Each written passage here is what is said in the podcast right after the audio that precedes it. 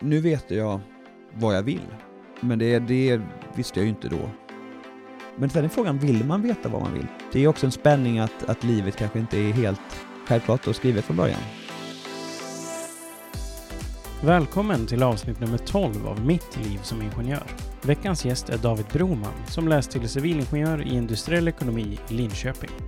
Han började sin karriär på ett datasäkerhetsföretag men bestämde sig efter några år för att doktorera och på den banan är det. Idag jobbar han som lektor på KTH. Vi pratar om att starta företag som student, varför han valde industriell ekonomi istället för datateknik och hur det kommer sig att han blev utnämnd till Årets lärare på KTH. David delar också med sig av hur han ser på karriär och varför han trivs så bra med sitt jobb idag. Jag heter David Broman och det här är mitt liv som ingenjör. Välkommen David. Skulle du kunna berätta om ditt absolut första jobb? Mm, om man säger första jobb, eh, absolut, absolut första jobb, ja men då är jag ju eh, kanske sex år gammal och eh, hjälper mamma eh, med grusgången och plocka ogräs för fem kronor i timmen. Eh, det kan ju verka vara en väldigt eh, bagatellgrej att börja med det som ett första jobb, men det, jag tror det är viktigt att man från början, att man ska man få någonting lite extra så får man jobba lite för det. Men eh, om vi tittar på karriären sen, så nu efter, efter mina efter min civilingenjörsutbildning så var det inom, inom datasäkerhet som mitt första riktiga full, eh, heltidsjobb. Mm. Men skulle inte du kunna köra en mm. kort resumé om vem du är? Ja. Så David Broman heter jag och jag eh, är idag eh, universitetslektor, associate professor på KTH. Jag är uppvuxen i Småland. Skogarna där, en liten by. Och var där väl, gick i utbildning i, i Jönköping och flyttade sen till Linköping och studerade till civilingenjör. Och sen har jag varit runt lite, jobbat i Stockholm och eh, bott i USA och sen kommit tillbaka nu och är på KTH. Mm. Snabb, snabb eh, sammanfattning av livet. Väldigt snabb. Vi kommer ja. gå in lite djupare på det också under den här kommande timmen ungefär. Mm. Men eh, när visste du att du ville bli ingenjör? Var det tydligt för dig? Ja, det, var, det blev väl tydligare och tydligare. Jag eh, har alltid varit väldigt intresserad av teknik. Eh, var, men också intresserad av det lite mer konstnärliga. Så eh, min, min eh, pappa var eller är eh, arkitekt. Mm. Och det var någonting som jag funderade länge på. Men sen någon gång i högstadiet så började jag hålla på mycket med datorer. Och det var väl då jag insåg att det här med datorer och programmering var någonting som är riktigt roligt. Så det var därför jag seglade in på det. Mm. Hade det kunnat bli någonting annat? Eller var det, när du väl hade bestämt dig, så var det tydligt att det var ingenjörsutbildning du skulle gå? Ja, det var nog tydligt från början att jag skulle gå en ingenjörsutbildning, men det var väl inte helt självklart vilken ingenjörsutbildning. Men att det skulle bli en civilingenjör var ganska tydligt, mm. säger i, i alla fall i högstadiegymnasietiden. Mm. Men det blev industriell ekonomi. Mm. Varför blev det den då? Ja, det, det, jag höll ju på som sagt var väldigt mycket med datorer eh, och programmering när jag var från högstadiet under gymnasiet. Och jag hade ett företag och jag höll på väldigt mycket. Så jag, man, man kanske inte var så ödmjuk vid den tiden, så jag, jag trodde att jag, jag kan ju det här. Jag, jag, menar, jag behöver inte gå någon datautbildning. Så jag tyckte det var intressant med entreprenörskap och starta företag och så.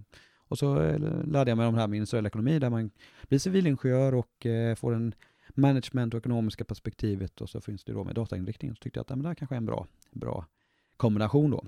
Sen det här att man tyckte att man kunde allting, det, det lär man sig under livet. Så ju mer man lär sig om ett ämne och ju mer man, både som när jag läste civilingenjör och när jag började doktorera, så ju mer man lär sig, ju mer ödmjuk blir man att man inte kan allting. Det tror jag är ett ganska vanligt fenomen. Mm. Hur kom det sig att det blev just i Linköping du läste? Eh, det var nog en, en, del, en del var nog det lokala så att säga. Jag, det egentligen valet var mellan Chalmers och Linköping. Och det var väl framförallt när jag tittade på industriell ekonomi att eh, att det fanns ju båda där. Stockholm kändes på den tiden, var nog aldrig riktigt på kartan för det kändes bara långt bort och stor stad och sådär. Sen hade jag väldigt mycket kompisar eh, som läste i både på Chalmers och i Linköping. Och slut för Linköping eh, hade bra rykte kring just industriell ekonomi. Mm. Då blev det.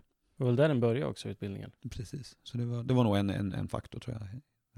Men när du väl kom dit då, första dagen, vad var ditt första intryck av utbildningen eller av universitetet?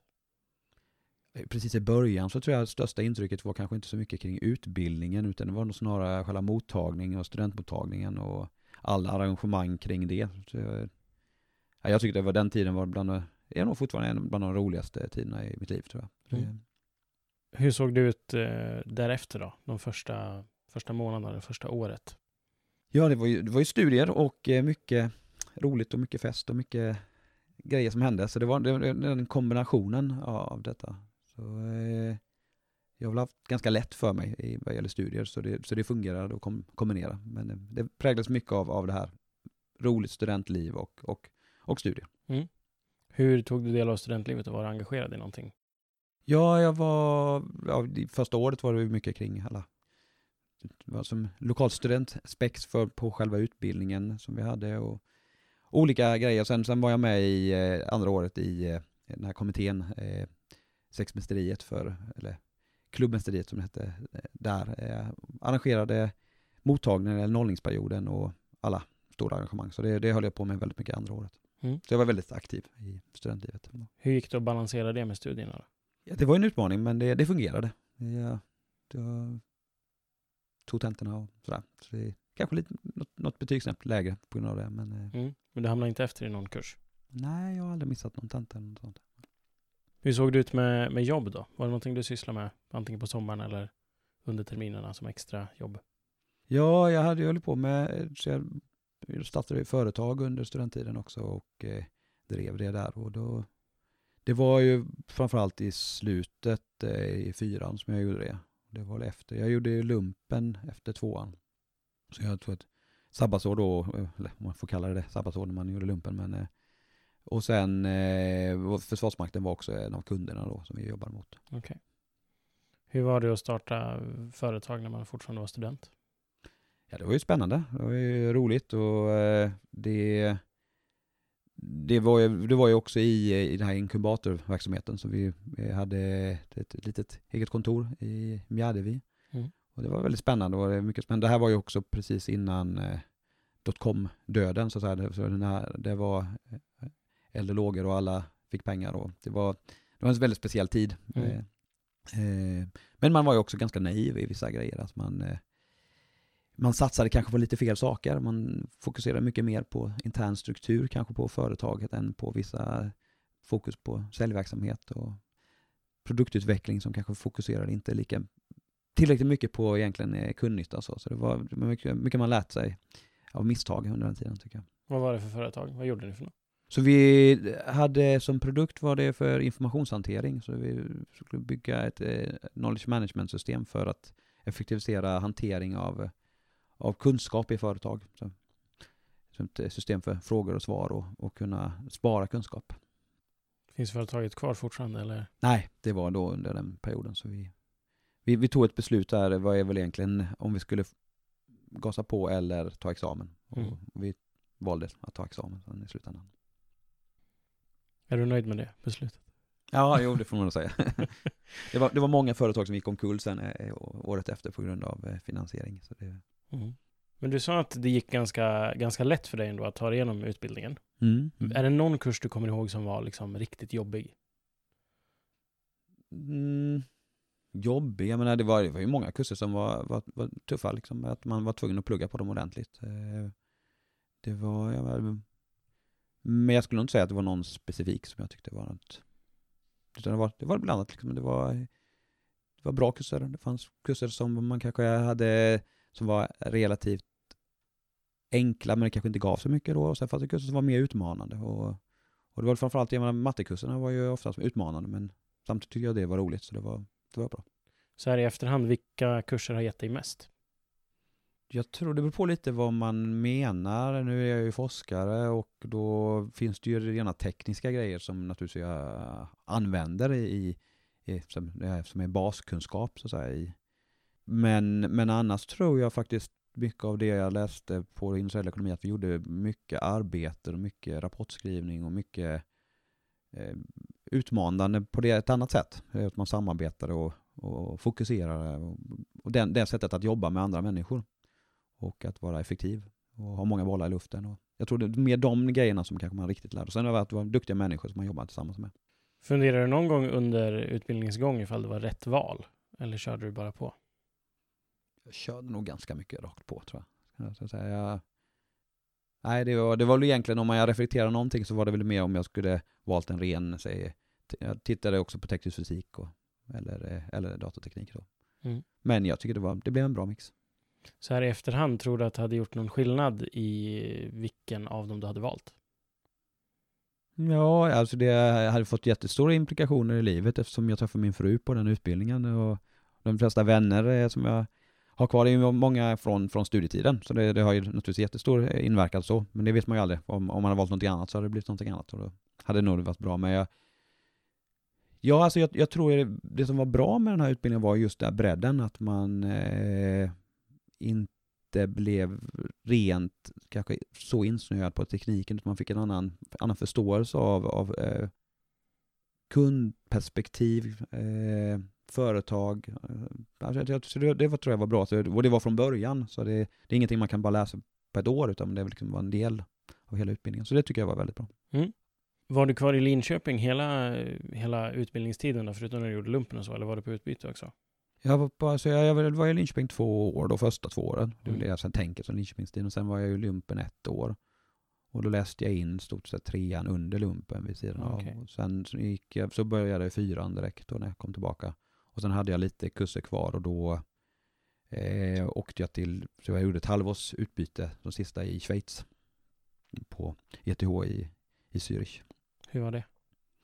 Det var kul. Det var eh, utmanande. Framförallt var ju tyskan utmanande då. Mm. det, det, och sen att de inte pratar tyska där heller, utan de pratar Schweizerdeutsch, vilket Ja, gör det. Så det var, det, var, det var en utmaning. Eh, men eh, mattekurser, den typen och eh, datakurser, det var ju ganska enkelt språkmässigt. Men jag läste en kurs i marknadsföring där. det var utmanande kan jag säga, för den här professorn också körde att vi hade som små, man satt i små bås och så ställde de en fråga och då hade de en kamera som filmade så alla, de flesta studenterna fick se det, kunde inte sitta i rummet då. Mhm. Så hade man sin lilla skylt där, Broman, så står det. Då fick man en fråga, så kan man bara zooma in och sådär, okej Broman, vad tycker du? Och då eh, ställde så var det alltid den här svårigheten först, för, förstå vad, vad säger han på ja, nästa är, okej, vet jag svaret? Och, och tredje var att försöka formulera sig så att det inte så det är vettigt. Så det, det var utmanande, men det var ju därför man lärde sig ganska mycket på det. Ja. För jag har hört från, jag har en, en kompis som var just på ETH Mm. eh, och eh, sa att studietempot där är någonting helt annorlunda jämfört med, han pluggade i Lund då. Mm. Hur upplevde du det? Var det ett, an, ett helt annat sätt att plugga där? Ja, det var ju högt tempo så. Men jag tycker pedagogiskt var jag mer imponerad av Linköping. Så jag tyckte nog det var bättre upplägg på många kurser i Linköping. Så det, sen är det lite blandat. Jag läste ju både från eh, då från säga, grundutbildning 1 till 2 eh, på det och sen plockade jag några från mer på masternivå. Så det var lite olika och alltså det är som alltid, det är olika lärare och eh, olika personer från olika delar. Så det, men jag hade några, jag ska inte säga några namn, det var några skräckexempel av professorer så jag, när man inte hade någon bok och de bara skrev på en overheadbild med en, med en penna eh, live och man försökte få ihop ett innehåll efteråt. Så, jag, så det var, det, det är professorer som är extremt duktiga, som jag känner till nu sen inom forskningen, men eh, kanske inte var de bästa pedagogerna. Mm. Så det finns inte en korrelation mellan bra universitet och bra lärare alltid. Så enkelt är det inte. Nej. Vad tar du med dig från ditt utbyte? Jag tyckte, alltså det är som alla grejer i livet, att man, om man gör olika saker och bryter det man vanligtvis gör så, så lär man sig någonting och eh, byta miljö får man ut väldigt mycket av. Så jag, jag tyckte, bara det att bo i ett annat land med en annan kultur var, var väldigt intressant. Eh, språket naturligtvis, jag blev bättre på tyska. Nu är, var tyska utan tvekan ett av mina absolut sämsta ämnen från gymnasiet. Så det, så det var kanske den största, ut, största utmaningen. Um, så det gjorde ju att jag, jag, jag säger nu att jag har typ, pubtyska, så jag kan eh, snacka med lite tyskar på puben och hålla en lite enklare konversation, men jag använder det ju aldrig professionellt. Ehm, så det är väl det, det kultur, kulturella och man lärde känna nya människor och ja, det var, jag tycker det är väldigt bra. Jag tror man ska absolut satsa på utland, utlandsstudier om man kan. Och för att knyta ihop studietiden lite grann. Mm. Exjobbet brukar ju avsluta en sådan. Mm. Vad skrev du för exjobb? Så jag gjorde det på eh, ett företag som jag sen tog anställning. Så företaget hette Columbitech, så det var inom eh, trådlösa VPN. Så jag implementerade och designade kompressionsalgoritmer, datakompressionsalgoritmer. Mm. Som sen användes i produkten. I, så det var, det var spännande. Mm. Så du visste när du tog examen, då visste du att du kunde gå till det företaget och du hade anställning där eller? Jag, hade, jag blev anställd innan mitt exjobb. Så, Okej. jag, så jag, jag jobbade på företaget under tiden jag exjobb. Det var, det var, en, bra, det var en bra deal. All right. Mm. Men om man tänker då, eh, när du står där med examen i, i handen, liksom, Mm. vad var din känsla då? Ja, jag, jag, jag kommer inte ihåg om det var liksom ett visst tillfälle man stod med examen i handen sådär, utan det, var, det blev lite flytande då eftersom man, jag hade ju redan börjat jobba och, Ja. och sen fick man ut examen. Men det var, det var just att man har avklarat någonting, det är färdig med någonting, det, det känns väldigt bra. Mm. så det, det, det tror jag är det viktigaste med att bli klar, är just det här att visa att man, man kan slutföra någonting. Det, det uppmanar jag alla studenter att försöka göra det. Hade du en tydlig bild av hur du ville att din karriär skulle bli redan då? Jag tror jag visste att jag ville hålla på med alltså jag, entreprenörskap eh, inom datateknik på något sätt. Exakt vad jag ville, det, det, det tror jag inte jag visste vad, vad jag ville exakt ville bli. Eh, men jag började jobba med utveckling och som blev mer design och man blev, fick mer och mer ansvar under, under tiden. Jag började ju på det här företaget då och Mm. jobbade där ett antal år. Eh, det, var en startup, så en av de första anställda som var med och, i den resan. Och det, det, var, det var spännande. Mm. Men sen ändrades ju min karriär efter ett tag här. Ja, jag tänker att vi kan gå in lite på det. Mm. Vi kan, eh, jag släpper dig lös egentligen. Du får köra ditt race. Så jag var, alltså jag jobbade på eh, det här datasäkerhetsföretaget under ja, närmare fem år, eh, fyra, fem år och eh, det, var, det var väldigt spännande. Det var ju framförallt att man reste väldigt mycket. Eh, jag hade, vi hade kunder i framförallt eh, Silicon Valley-området och eh, det var nog en av anledningarna till att jag kom på det här med, med att jag skulle göra någonting annat var att vi ofta, den här kunden var ju en väldigt stark kund så jag hade vi någon mm, bugg i servern och servern gick ner så sa de mer eller mindre skicka en utvecklare nu.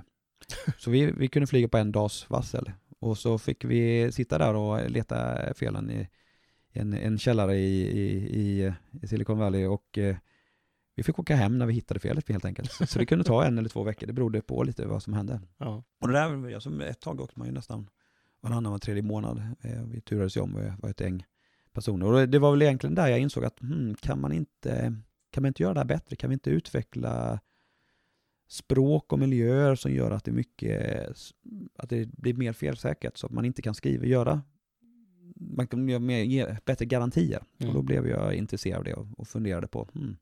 Och jag kommer ihåg det var på faktiskt en semester när vi var i Kroatien så kom jag bara på jag kanske ska doktorera. Och då vet jag, jag gick till ett internetcafé på den, på den tiden och började titta direkt på eh, universiteten i, i Sverige. Vad, vad, vad, vad gör de? Vad gör olika professorer? Så det var, så, så, så det, och sen efter det så började jag gå på det spåret. Men det, på den tiden var det också, det, det var inte så lätt att få börja doktorera och få en position. Och jag, man kommer lite utifrån och har läst en kanske inte helt eh, självklar karriär med industriell ekonomi med mycket erfarenhet inom datologi och vad datologi jag ville forska inom. Så, så, eh, så det var lite utmaning där. Och jag kontaktade olika personer och fick en kontakt med en professor i, i Linköping. Som jag började, så jag började läsa lite doktorandkurser Mm. vid sidan av jobbet. Så, och sen eh, till slut så, så utlystes en position som jag sökte och, och, fick då. Mm. Hur såg det ut då att doktorera? Ja, men det, det är ju en, eh, det är ju ett jobb också. Det, alltså det, det, är ju inte, det är inte att vara student, utan det är ju det är ett jobb. Mm. Men det är ju ett jobb med så att säga, mer frihet och kanske mer ansvar på så sätt att man, eh, det är en ganska hård press. För du måste ju lyckas, men det är ju din, din egen press också. Ehm, så det, för mig passade det väldigt bra. Jag tyckte om, det var egentligen det jag saknade tror jag när jag jobbade i, i industrin där, att jag fick inte så mycket berg och dalbana-känsla. När man är student så tycker man ju, så får man ju det vare sig man vill eller inte. Man, eh, man har sina perioder med vanliga studier och sen har man tentor och man kanske då pluggar väldigt hårt och går ner i djupt och jobbar fokuserat och sen så tentar man och sen så blir allting öppet och så har man, känner man sig ledig och så, så Mm. går man så fram och tillbaka så det blir liksom tuffa tider och glädjetider. Men jag tyckte när jag jobbade var, blev det lite, det var liksom, man tjänade pengar, det gick bra, men det, men det blev väl inte någon, det blev lite mer platt. Och det, det trivdes inte jag i. Så jag, jag ville ha det här lite mer upp och ner. Och det tror jag doktorerande är. Det, det, det handlar om att det är hård press, men det är också väldigt hård, eh, väldigt, väldigt bra, man får någonting tillbaka. Man känner om man, om man lyckas med grejer så är, tycker jag det är väldigt givande. Har du några exempel på vad som kunde få dig att bli en berg dalbana? Vad kunde gå upp och vad kunde gå ner? Under, under doktorandtiden? Ja. Ja, men det, det är ju det här man kämpar väldigt mycket inför sig en, eh, något forskningsresultat och så man kanske jobbar månader med, någon, med vissa antagande och sen inser man så att det här kommer aldrig gå. Och så, så jag, jag menar, om man räknar de fem åren så är det ju, skulle jag gissa, det är minst ett år, kanske två år, som jag ju, saker som ju aldrig blev någonting. Mm. Och det kan ju vara väldigt frustrerande. Men när, man, eh, när någonting blir bra och man lyckas så, så är det då väldigt tillfredsställande. Mm. Men som doktorand då, hade du liksom ett klart mål att när du har uppnått det här så var du klar? Eller hur såg det ut? Det där ser ju alltid olika ut. Man har ju dels projekt som man finansierar en, men, och det är ju ofta mer än ett under tidens gång. Sen, sen, sen eh, är det ju sin egen avhandling och vad, vad man vill komma fram till. Och det är ju samtal med, med, med huvudhandledaren och, eh, och så. Så det, ja, men jag hade någon vision vad jag ville uppnå. Sen, är- sen är det ju, det är ju forskning, så det är ju väldigt stor osäkerhet och det är ju det som kan vara det mest frustrerande men också det riktigt spännande. Mm. Så man, eh, nej men det, det är ett mål, man vill man har en vision kanske man ska säga. Och det, det tror jag är viktigt att man har. Men man kan ju inte veta exakt vad man ska komma fram till. Då, då är det inte forskning. Vad kom du fram till då? Så jag utvecklade ett, eh, ett språk, kan man säga, ett modelleringsspråk för att, för att skapa andra modelleringsspråk. Så det handlar om för fysisk modellering där man modellerar eh, för system på ett objektorienterat sätt men med differentialekvationer för, för användning av simulering av fysiska system. Så det var min, min, huvud, min huvudbidrag. Mm. Du sa att du sökte liksom, du sökte en tjänst som, som doktorand, eller så du sökte dig till att vara doktorand. Mm. Söker man då ett, ett visst eh, projekt då, eller söker man med sina egna idéer, eller hur ser det ut? Nej, det, det, är- det är lite olika beroende på vilket land man söker till. Eh, I mitt fall så sökte jag bara i Sverige och det var mer familjeconstraints. Annars hade jag kanske kunnat tänka mig att söka i, i andra länder. Men eh, i Sverige så är det, mm, är det positioner, så det blir en doktorandposition som utlyses. Och det är typiskt det är därför att eh, huvudhandledaren har finansiering då i ett projekt som, som driver att man kan då utlysa en tjänst. Så då finns det ofta en inriktning på vad själva vad doktorandprojektet kommer att handla om. Sen hur mycket frihetsgrader man får eh, beror på handledare, beror på projekt etc. Så det är, men man, man kan inte, det är ganska ovanligt skulle jag säga att man kan söka och bara göra det man själv vill. Det, det, det är inte så vanligt. Man får hitta någonting som intresserar en, som Ja, redan är utlyst. Det, är- liksom. det ju, ska, man, ska man doktorera så ska man ju man ska göra det för att man brinner för, Ja. för ämnet. Eh, annars, för det, är- det, är en, det är en tuff utmaning men eh, det är väldigt tillfredsställande. Men man måste ju tycka det är fantastiskt roligt och intressant. Det är Mm. liksom grunden. När du hade doktorerat klart, Mm. vad hände då?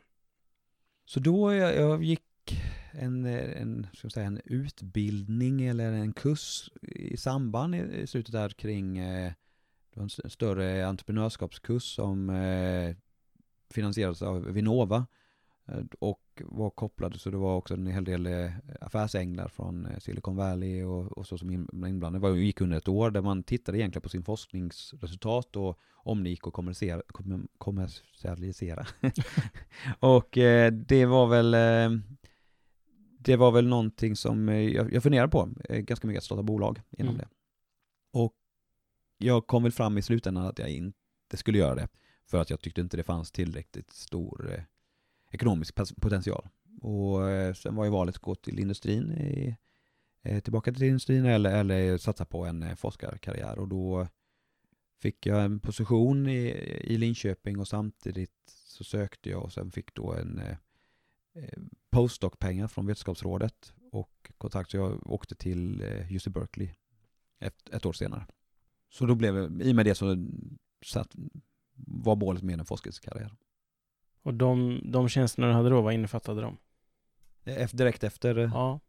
så det var ju en så kallad eh, forskningsassistenttjänst, FOAS. Så det kan man säga nu kallas det tenure track. Så det, var, det är egentligen en, en fyraårstjänst med undervisning och, och forskning som jag hade i Linköping då. Under ett års tid, sen var jag tjänstledig från det när jag, när jag åkte till USA. Eh, och där li- liknade det mer, det heter visiting scholar officiellt. Det var kan man säga en postdoc-tjänst som jag hade första två åren. Och sen blev jag anställd på, på UC Berkeley efter det som forskare. Och där var det ren forskning. Så där eh, hade jag egentligen inte undervisning, jag gav lite gästföreläsningar men det var ren, ren forskning. Mm. Men åkte du liksom fram och tillbaka då, eller var du, när du var i Linköping så var du där och sen var du på Berkeley ett tag och sen var det liksom, Ja, jag, jag, jag var ju tjänstledig från Linköping, så jag, jag var i Li- Linköping ett år efter jag doktorerade och sen, eh, sen åkte jag till USA. Så vi flyttade hela familjen och bodde där. Jag hade en, en doktorand som jag också var eh, eh, bihandledare till, som jag hand, handledde då i, i Linköping på deltid. okej. Och ungefär när är vi i tiden nu? Så jag, vi flyttade till eh, USA då slutet av 2011.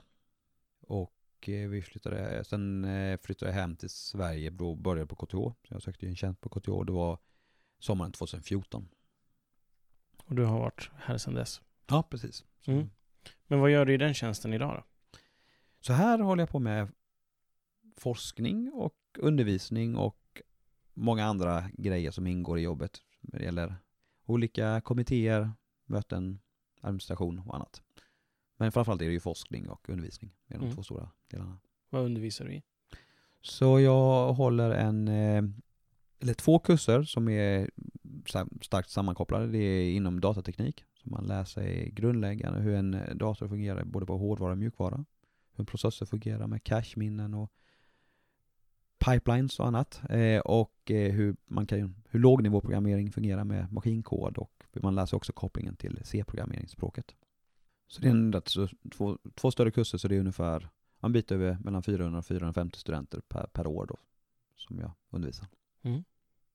Och det här med att undervisa studenter, Mm. det är ju någonting som du verkar vara bra på. Eh, Du fick ju då utmärkelsen Årets lärare på KTH 2017. Mm. Varför tror du att du fick det? Jag tror det var lite olika anledningar. Eh, en sak tror jag det är kring att eh, det här att ta sig feedback och vis, visa att man verkligen bryr sig om feedback från studenter. Så jag har olika sätt som jag brukar samla in information och, och sen jag försöker göra små ständiga förbättringar. Framförallt brukar jag göra, eh, ta in, lämna ut små kort med plus och minus som de delas ut under kursens gång. Och där får alla folk svara anonymt och sen eh, ta in och, och nästa föreläsning berätta om vad folk tyckte. Och så berättar jag vad vi, vi kan göra bättre och, och eh, saker som vi inte kan göra någonting åt berättar jag varför vi inte kan göra det. Och så i, har jag under flera gånger förbättrat då kursen, inte för nästa år utan även för dem som går den här kursen. Och det brukar vara uppskattat. Så det här att lyssna på studenter tror jag är en viktig del. Och en annan del eh, skulle jag säga det är att jag funderar rätt mycket på incitament. Varför, var, varför vill man lära sig någonting? Vad är det som... Så att expansion eh, hänger ihop med det man gör så det, det känns meningsfullt. Och, och framförallt för att fundera på vad gör att få folk att tycka det är roligt. För det, tycker man någonting är roligt så, så lär man sig mycket. Sen lägger jag mycket fokus på struktur och att det är tydlig information på, på information kring upplägg kring kursen. Och det brukar också vara någonting som nämns som folk uppskattar mycket. Mm.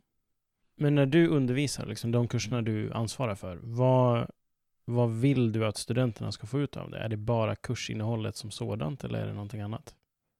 Det, det, naturligtvis är det ju kursmålen som man sätter upp är ju liksom eh, A och O. Vad, vad är det vi, vi försöker lära oss? Men sen är det ju speciellt de här kurserna går ju för första års studenter och andra studenter. Så jag brukar lägga också fokus på hur, hur man studerar. Eh, jag brukar få igång, för det är ofta, om det går bra för en student eller inte, det handlar rätt mycket om kring studieteknik och att komma på hur, hur ska man plugga egentligen. Jag brukar ge ganska mycket tips och råd och sen smyga in grejer som som kanske indirekt hjälper studenter att, att plugga fast de inte vet om det. Så jag kör en, en sån här klassisk grej på tentan att man får, man får inte ta med sig några hjälpmedel men man får ta med sig ett papper där man får skriva vad man vill på, på båda sidorna. Och eh, det, det är rätt kul för, jag brukar säga att man inte får med sig förstoringsglas heller. För, för, för, men det, det är enormt vad folk kan skriva litet, alltså få in mycket grejer. Ja. Ehm, tricket är ju det att det får de ju göra och det gör att man inte ska lära sig saker utan till. Men om man sammanfattar någonting väldigt noggrant så lär man sig det utan till. Så de flesta tittar ju inte på det här bladet eh, på tentan. Så det, det, det är bra för man undviker att det är väldigt svårt att fuska, för det finns ingen riktig mening med det, för man får ändå ta med sig det här. Och, eh, och förhoppningsvis lär sig många studenter att det kan vara en bra grej att göra den här typen av sammanfattning på alla tentor, oavsett om man får ta med den eller inte. För att man har gjort det så kan man det. Så det, är så smyga in studieteknik, att sammanfatta kort och koncist. Det är ett bra sätt att plugga till exempel. Mm. Finns det någonting du gör under föreläsningen också som gör att studenterna är uppmärksamma på vad som händer? Ja, det, det finns en hel del grejer. Och eh, det är ju, det handlar ju mycket om att en föreläsning, var, var, varför har man föreläsning för? Det, det är ju många som är så skeptiska mot föreläsningar, att det är, det är ett gammalt sätt att undervisa. Eh, jag skulle säga att alla de här grejerna, om man använder powerpoints eller hur man gör det, det är hur man gör det, det är inte, man kan inte säga svart eller vitt, är det bra eller inte? Och en föreläsning kan ju syfta till att man ska lära sig någonting nytt. Men det kan också vara att man ska bli inspirerad, man ska tycka någonting är intressant. Jag tror den här mixen här, man ska ju inte tro att en föreläsning kan ta upp allting som man ska kunna. Men kan man orientera eh, studenter i ämnet och, och få dem att tycka, ja men det här, nu förstår jag lite mer här, så man vet hur man ska läsa vidare, tror jag man lyckas. Och då handlar det om att, att hålla folk egentligen vakna och, och lyssna. Det, och det här har inget med studenter att göra, det här är från barn. Jag tänker mina egna barn, att hålla fokus till, till när man försöker prata med sina egna föräldrar. Det vi, mm. vi alla har svårt att koncentrera oss och hur får man folk att koncentrera sig mer än fem minuter i sträck? Om föreläsning är två gånger 45 minuter. Mm. Så, jag, så jag har en massa olika små tricks för att, för att göra detta och det är sånt jag har samlat på mig under, under tiden. Så jag har till exempel eh, kör, eh, som jag kallar för empty slides. Så det, jag, jag har eh, materialet får man ut tidigare, eh, det finns på nätet, men jag har tagit bort massa information. För jag har små uppgifter under föreläsningar som studenterna gör och det är ju rätt tråkigt att ha svaret mm. eh, online. Eh, så därför lägger jag upp sen den riktiga prestationen då efter föreläsningen. Och ibland har jag då att jag printar ut och en del har en del uppgifter de också får på papper som sitter, sitter och gör grejer. Men ofta är det att jag presenterar någonting, eh, förklarar någonting och sen gör jag en liten övning på det. Så de får reflektera själva. Ibland så de sitter tillsammans, ibland att de bara får 30 sekunder på att fundera, vad är rätt svar? Jag brukar köra ibland lite, det finns en sant eller falskt fråga och då kan det vara liksom frågor som inte, det är inte helt självklart om det är sant eller falskt. Och istället för att ha eh, en eh, app för detta så brukar jag köra enkelt. Man ställer sig upp för sant och man lägger sig ner på bänken för falskt och så håller man för ögonen om man inte vet.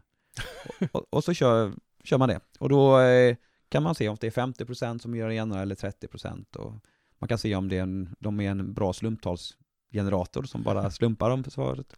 Men man behöver inte veta de exakta siffrorna.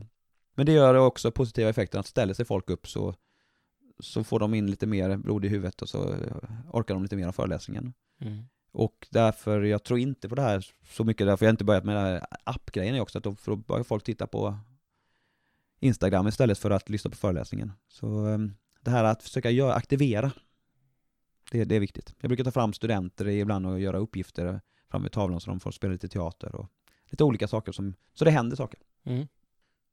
Men du berättade lite grann innan kanske om att eh, vissa, under din egen studietid, att vissa eh, föreläsare så kanske inte var de mest pedagogiska.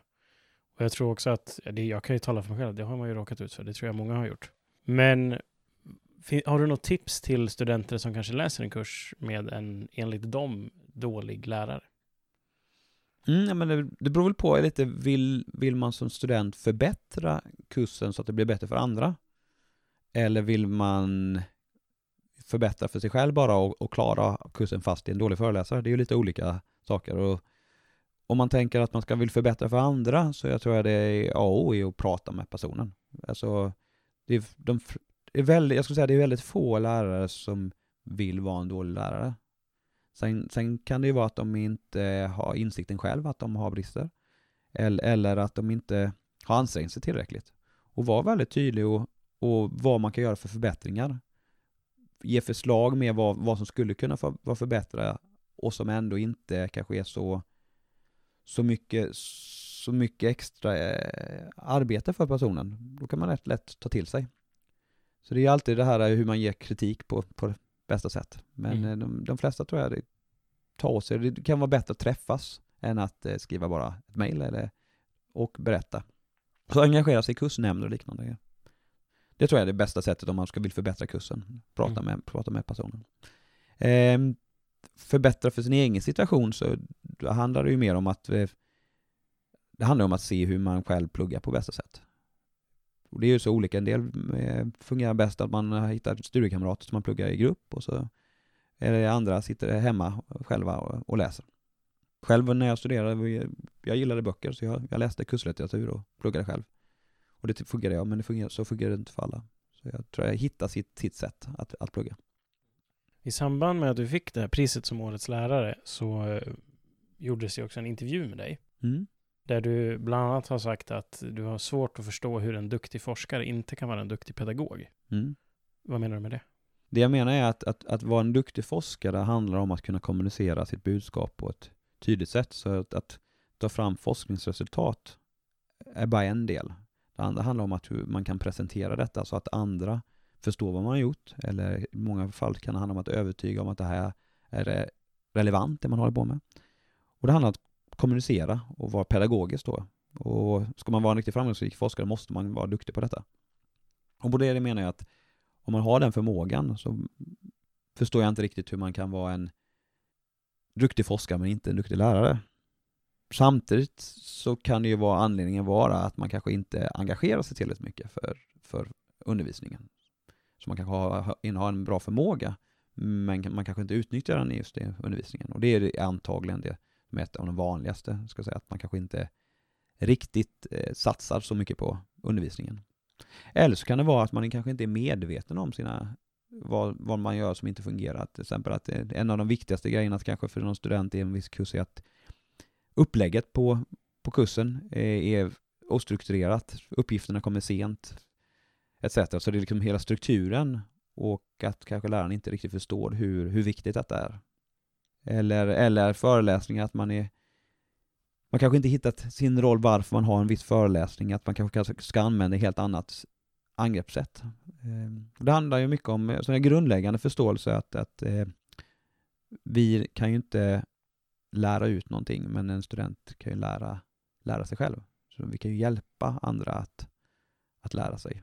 Mm. Vi kan ju inte, vi kan inte magiskt skicka med våra röst trycka in kunskap i någon annans hjärna. Så det funkar ju inte så, utan man lär sig ju själv. Mm. Men hur ser balansen ut för dig då mellan att undervisa och att forska? Ja, men det är nog någonstans 50-50 som jag har. Eh, och det är ju det är en del liksom när man, beroende på projekt och vad, vad man har. Men eh, sen, eh, så balans, det är en, en sak är ju balans vad man, vad man gör. Och sen är det ju en balans vad man vad man känner är viktigt. Och jag tycker att både forskning och undervisning är, är lika viktigt så att säga. Så jag kan inte säga att det ena är viktigare än det andra. All right. Finns det någon typisk arbetsdag för dig? Om man ska ta en sån här day in the life. Finns det något sånt? Um, nej, jag skulle säga att det finns nog ingen typisk, det varierar väldigt mycket. Jag har, mitt schema ser olika ut för varje dag, varje vecka. Men eh, man skulle säga, man har någon föreläsning kanske man undervisar någonting. Det är ju inte varje dag, utan det är ju lite då och då.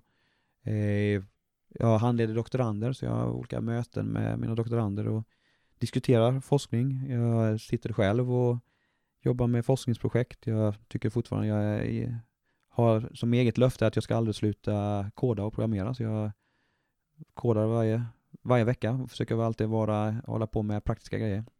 Sitter ganska, det är ganska mycket möten vad gäller kopplingar till framtiden, hur vi ska sköta utbildning i, på universitetet. Det bygger upp forskningscenter. Så det, det, det är olika, olika typer av möten. Så det, och sen är man mycket ute på konferenser. Så ena veckan är man här kanske på, på KTH och nästa vecka så är jag i Kalifornien. Så Mm. det, är, det är mycket resande också. Vad är det bästa med ditt jobb då? Det är nog friheten under ansvar. Det här att jag, jag skulle säga att, att ha en grupp och vara forskare, och så här, det, det finns likheter med att driva sitt eget företag. Jag är ansvarig för att dra in pengarna, eh, söka pengar. Man är ansvarig för att eh, leda utvecklingen, forskningen och att man levererar. Och på så sätt kan man ju söka nya pengar. Och just det här att man eh, sätter agendan själv, det är det som jag tycker är det mest spännande. Att jag driver det, så att säga, jag jobbar inte åt någon annan. Jag jobbar åt mig själv och det är så här, visionen kring forskningen som jag har. Och eh, undervisning är ju, är ju på samma sätt en vision om att man vill hjälpa andra att lära sig någonting. Mm. Och spännande parallellen då mellan att köra ett eget företag och forska. Mm. Det har inte jag tänkt på förut. Det var, det var kul. Finns det någonting med ditt jobb som du tycker är mindre bra? Mm. Mindre bra. Ja, det, alltså det, är en, sådär, det finns ju utmaningar. Och framförallt är det väl att om, jag kan ju inte tala för alla, men eh, jag tror att många som har det här jobbet gör det för att man, man, man vill någonting och man, man trivs med det. Man gör, gör det verkligen för att man brinner för, för ämnet. Eller, och det blir ju egentligen att ett jobb är ju, ett, då blir ju det kanske samma sak som ens största intresse. Och det är alltid utmanande om man har, eh, ens jobb är ens största intresse så är det lätt att det blir väldigt mycket jobb. Mm. Och det är ju en, kanske utmaningen då, att hitta, hitta balans med eh, resten av livet då, familj och så. Så det, det jag skulle säga är den, kanske den största utmaningen. Samtidigt är det ju, jag menar det, det är få som kan jobba med det man tycker är det roligaste och den största intresse. Och det, att man dessutom får betalt för det är ju är väldigt bra. Ja. Men nu har vi egentligen eh, jobbat oss igenom din karriär fram till idag. Mm. Om, om du blickar framåt då, tio år säger vi. Mm. Hur, hur ser det ut då?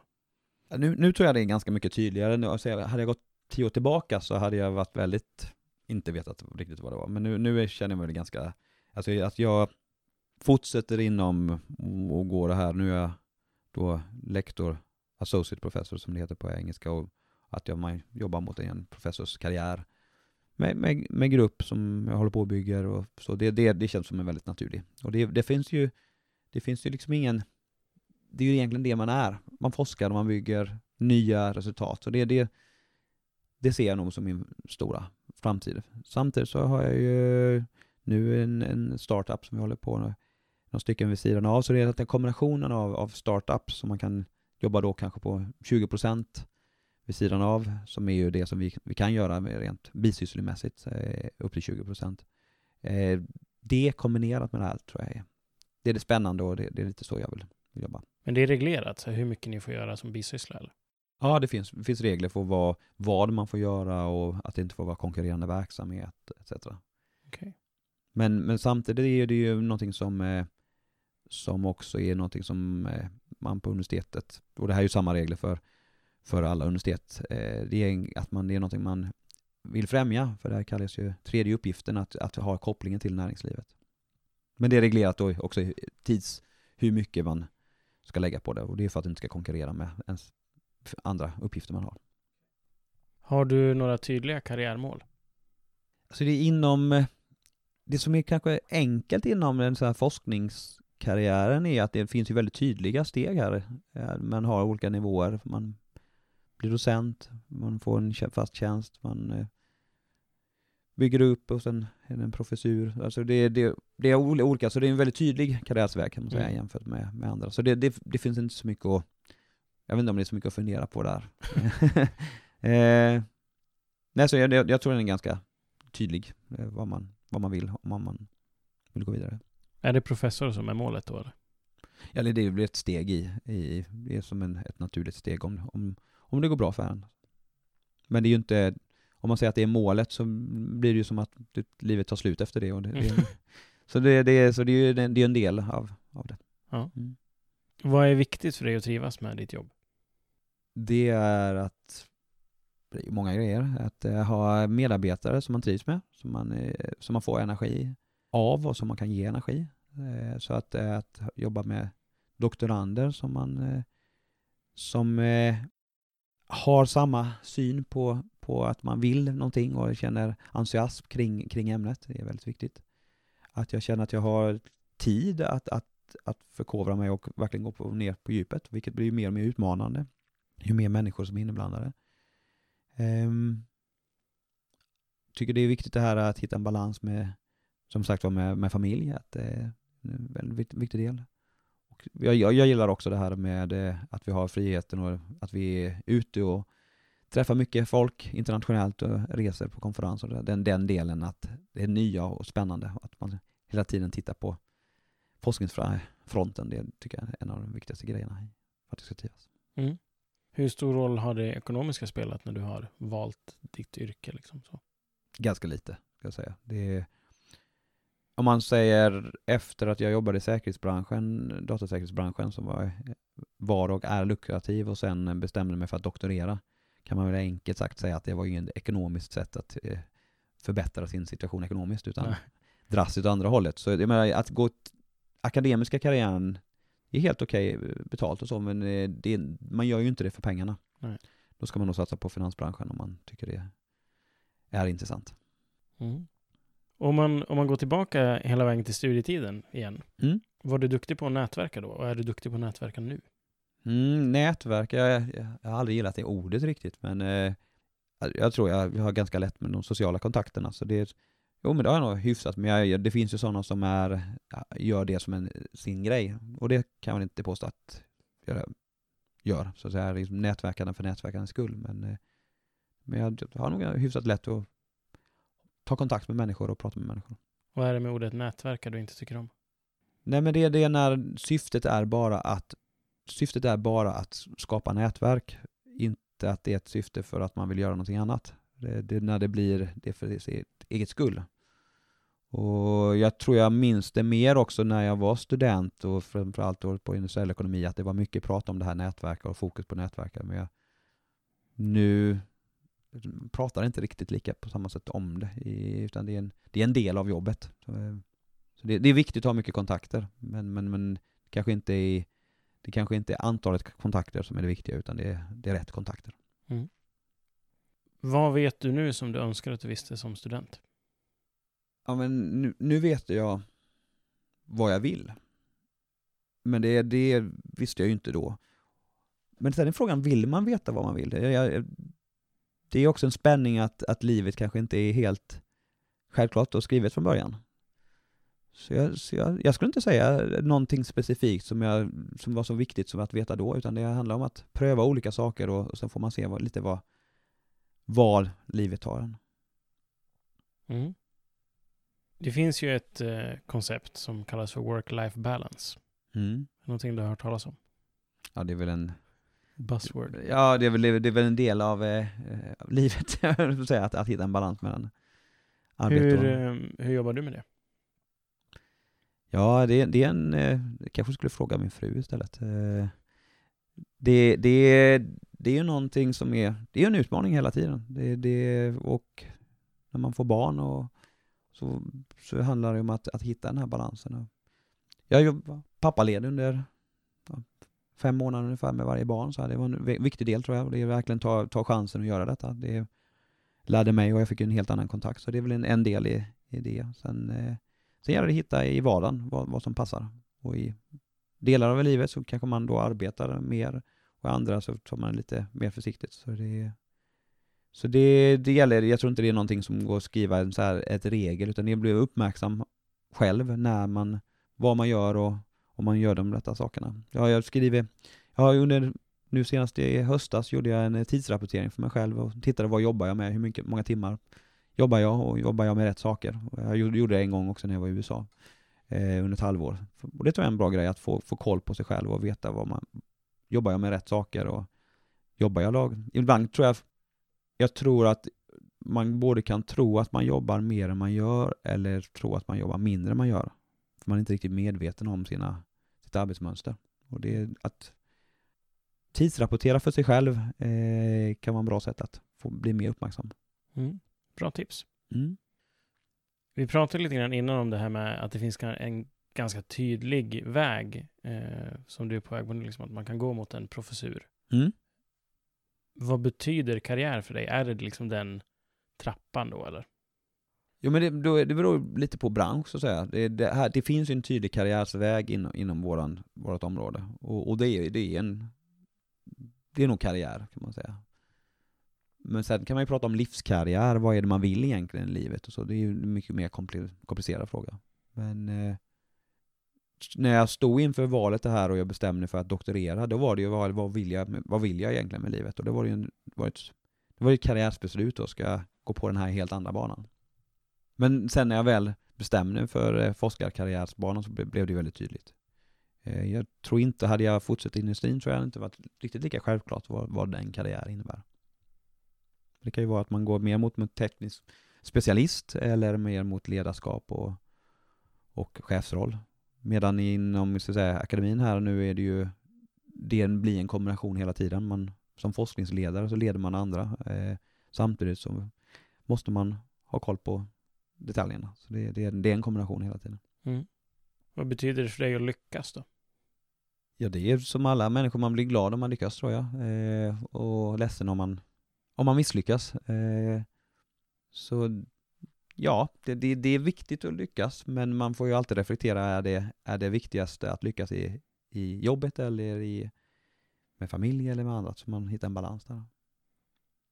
Lycka, lycka är nog, alla vill ha lycka, men det är svårt att definiera vad man menar med det. Mm. Så är det. Och innan vi avslutar, så eh, som vanligt så kommer det lite snabba frågor eller påståenden som du får fortsätta på eh, bäst du vill, mm. egentligen. Den första frågan är, vad får dig att gå till jobbet på morgonen? Att det finns så mycket roligt att göra. Och det, så jag tycker varje dag så är det bara spännande och det finns massor med nya saker jag vill göra. Sen hinner jag inte med allting som jag vill göra varje dag. Och då inser jag att varje ny dag så har jag nya möjligheter. Vad betyder ordet ingenjör för dig? Någon som är systematisk och löser problem eller löser utmaningen.